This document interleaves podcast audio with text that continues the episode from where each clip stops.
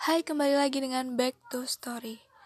Kali ini, podcast kali ini gue akan menceritakan sebuah kisah yang bertema dengan rintik rindu. Wow, dari judulnya sih ini udah kelihatan banget ya. Mulai dari kata rintik hingga rindu.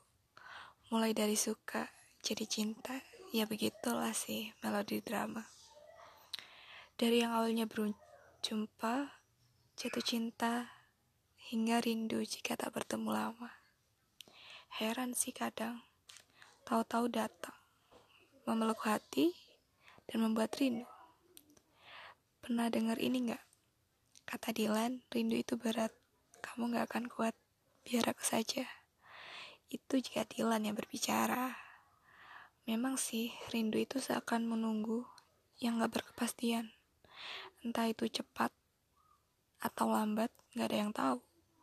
Misal nih, padahal baru ketemu sama doi, udah bilang rindu aja tuh mulut kamu. Emang ya kalau udah cinta itu susah banget menjauhkan dari kata rindu.